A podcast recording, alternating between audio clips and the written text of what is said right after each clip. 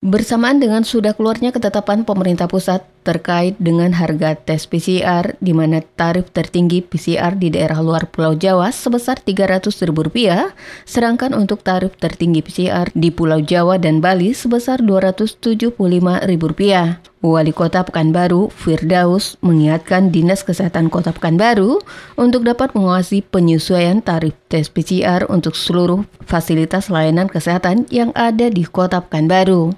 Dikatakan Wali Kota untuk penyedia jasa layanan tes PCR wajib mengikuti aturan dari pemerintah pusat. Jika ada yang melebihi itu, maka Dinas Kesehatan wajib untuk Saya memberikan tentu uh, teguran. ini juga sudah ada harga yang ditetapkan oleh pemerintah pusat. Nah, ini kita minta dinas kesehatan nanti untuk monitor. Jadi semua pelayanan uh, untuk tes maupun juga uh, tes cepat ya, rapid test, antigen, ya harapkan semua penyedia jasa itu ikuti harga pemerintah.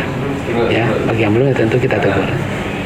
Pengawasannya nanti oleh dinas kesehatan dan juga dinas-dinas uh, satgas dari yang kita tugaskan. Sementara itu untuk harga tes PCR di Rumah Sakit Daerah Madani kini telah mulai mengalami penyesuaian. Harga tes PCR di Rumah Sakit Madani kini hanya Rp300.000 atau ada penurunan dari yang sebelumnya Rp525.000. Penyesuaian harga tes PCR juga berlangsung di tingkat puskesmas. Desi Suryani, Tim Liputan Barabas, melaporkan.